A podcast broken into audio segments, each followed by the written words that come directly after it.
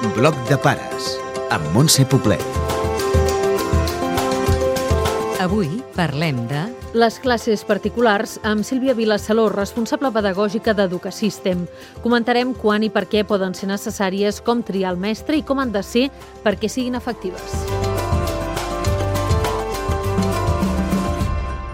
Col·loquem en una balança cinc sacs de patates que pesen... A veure, 75. habitualment les alarmes solen venir des de l'escola. El tutor eh, observa i es dona compte que un alumne doncs, va més lent que els altres, que es despista molt, que no està concentrat a classe. No sé, no ho entenc. Els pares normalment també poden observar a l'hora de fer deures, a l'hora d'organitzar-se, si són nens doncs, que els hi costa molt posar-s'hi. N'hi ha d'altres alumnes doncs, que és tot el contrari, no? que s'hi posen molt d'hora però veuen doncs, que li dediquen molt de temps i que potser doncs, per un nen de primària se'ls fa no sé, les 10 de la nit i encara estan fent deures. I després doncs, també doncs, estan les avaluacions i els resultats. Diries que és el moment més adequat per prendre la decisió de començar a fer classes particulars? Si és un nen que el que necessita és una qüestió d'hàbit i de metodologia, podem donar un marge d'un curs per veure doncs, si el nen comença a treballar d'una manera més autònoma. Quan es tracta d'un reforç perquè l'alumne té, per exemple, algun tipus de trastorn de l'aprenentatge, té algun tipus de dislèxia, un TDA, el retras es va acumulant i cada cop el nen queda més, més endarrerit i cada vegada l'esforç que ha de fer és més gran per poder seguir el reste del grup classe. O sigui, que no ens esperem ni als exàmens. Una cosa, ho podríem solucionar sols, que l'ajudi el germà gran o nosaltres mateixos? El rol de pare i de mare no és el mateix que de professor. I arriba un moment doncs, que molts pares ens ho diuen, no? és que jo tinc una titulació, estic capacitat per ajudar-lo, però acabem discutint, acabem barallats, acabem amb males cares i clar, tampoc és bo que la relació i el rol pare-fill o mare-fill es basi en això. No? Ordena de més petit a més gran. 87... Do... Ai, Som-hi, som-hi.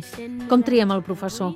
Que sigui una persona que està capacitada per poder impartir la matèria que en el nostre cas ens interessi i sobretot que tingui experiència en treballar amb nens. Tenim el profe i ara hem de decidir quants cops per setmana el fem venir a casa. Quan són nens de primària, fer entre dos i tres hores a la setmana, perquè el nen s'habitua a tenir una persona dos o tres tardes a casa i ell també treballa de manera autònoma els dies que aquesta persona no ve. Aconsellem fer una hora de classe. I a secundària? Per secundària, una hora i mitja és aconsellable. Com ha de ser la classe? El primer dia de classe és molt important. El que s'ha de fer és primer conèixer l'alumne, veure quin feeling tenen, si l'alumne està còmode, si s'entenen, I a nivell de continguts? veure quines carències té, on hem de treballar i també una mica en base a l'alumne doncs, que et trobes al davant, fas una planificació de les classes. No? Veus si és un alumne que és aconsellable fer hora i mitja perquè veus que t'aguanta i que és un nen curiós i que fa moltes preguntes.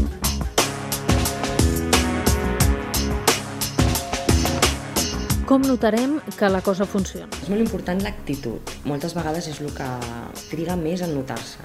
Potser es comencen a veure resultats, proves, exercicis, exàmens, però l'actitud de l'alumne és, és el que delata si, si la cosa està funcionant o no, no. Per exemple, Els alumnes guanyen seguretat, es tornen molt, molt més hàbils a l'hora de- d'organitzar-se, de portar l'agenda, feines al dia. És important que ells vegin doncs, que la feina que estan fent estan donant els seus els resultats i també doncs, que són estones que ja no es veuen com uf, d'un profe a casa no? a, a fer-me classes, sinó que arriba un moment doncs, que també aprenen una mica doncs, a, a disfrutar no?